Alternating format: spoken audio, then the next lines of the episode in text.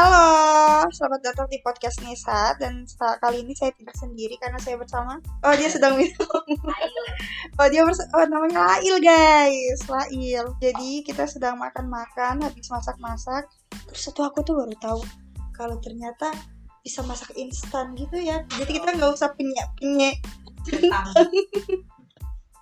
Kita ke mana aja sobat sobat yang berbahagia Oke, jadi eh, seperti yang telah kita briefing, yang nggak tahu sebenarnya kita briefing apa, kita mau bahas film. Jadi kita kan anak ilmu komunikasi nih guys, yang tidak pernah dan tidak akan terlalu jauh dari membahas yang namanya video, full ya.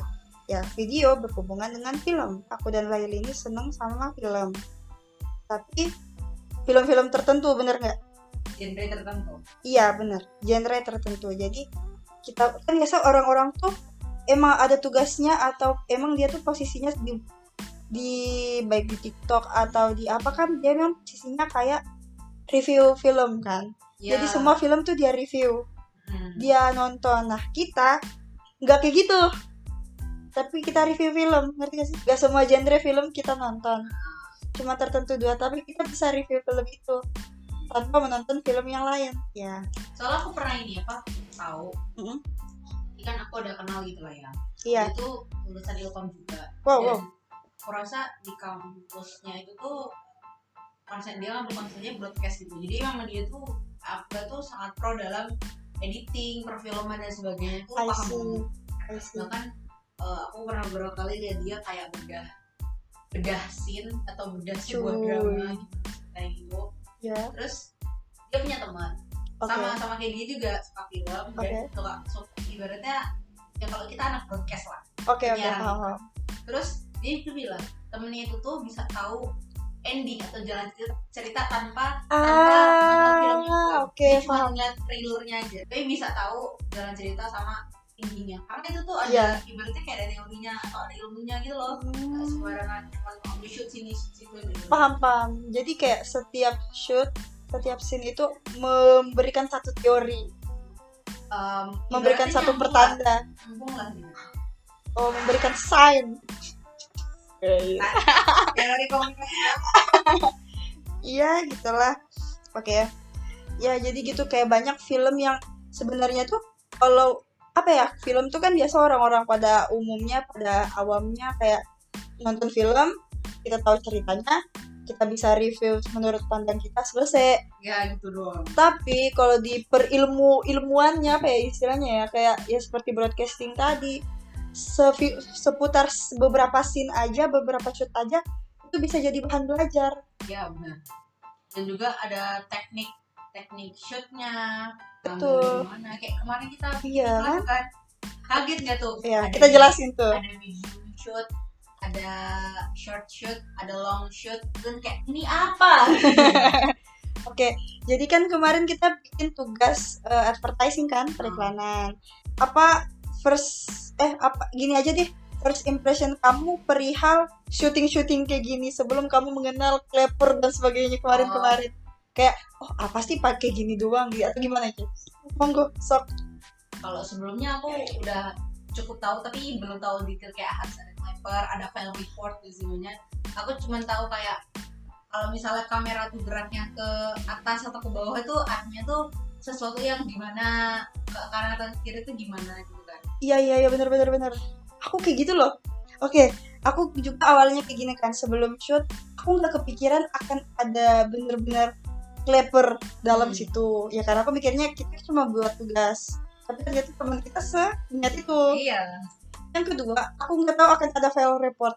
Jadi guys, selama ini aku mikir, aku kan suka mikir kan, aku suka bertanya-tanya, kok ini orang-orang pada jago ngediting tanpa filenya kepisah-pisah gitu ngerti gak sih? tanpa tanpa gantung tanpa kok tiba-tiba kayak gini gitu Iya kan? Terus aku mikirnya kayak, loh kok bisa ya orang bikin video tuh tersusun-tersusun?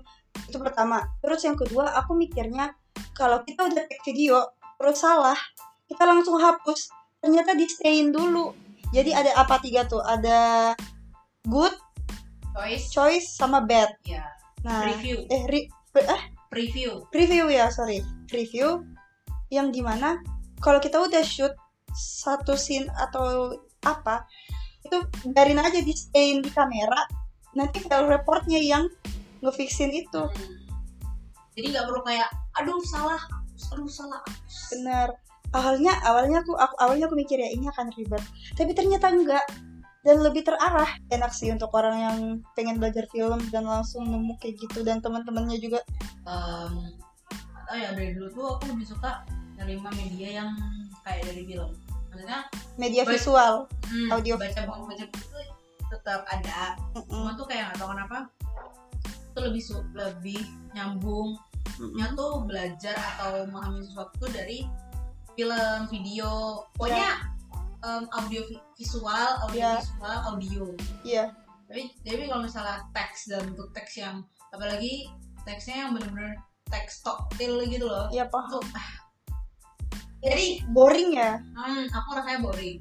Makanya aku kalau misalnya mulai suami tuh kayak anaknya lebih banyak Oh. banyak kata-kata yang kayak apa kayak ya? kita bingung ini sebenarnya yang ucapin siapa. Bukan bukan bingung sih lebih tepat tuh kayak eh, aku ngerasanya kadang tuh ada miss gitu loh kalau misalnya hanya disampaikan lewat eh, Ah. kata-kata aja. Cuman kayak huruf-huruf yang disusun dalam buku cuman kalau misalnya film tuh aku nggak tahu kenapa ngerasanya tuh lebih dapet gitu loh untuk dijelas menjelaskan sesuatu peristiwa Nah, gitu.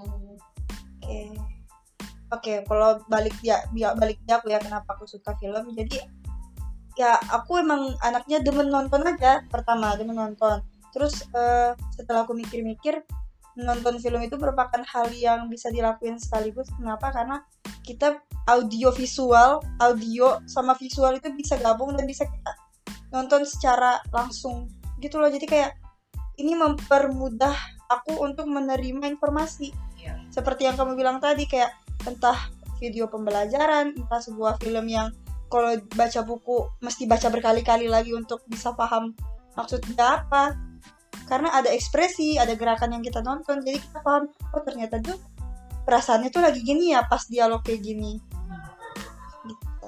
apa film yang paling worth it kamu nonton dari segi apa pun itu Oke, boleh dijelaskan. Gak spoiler, nggak spoiler sih lebih ke ya intinya apalah menurutmu.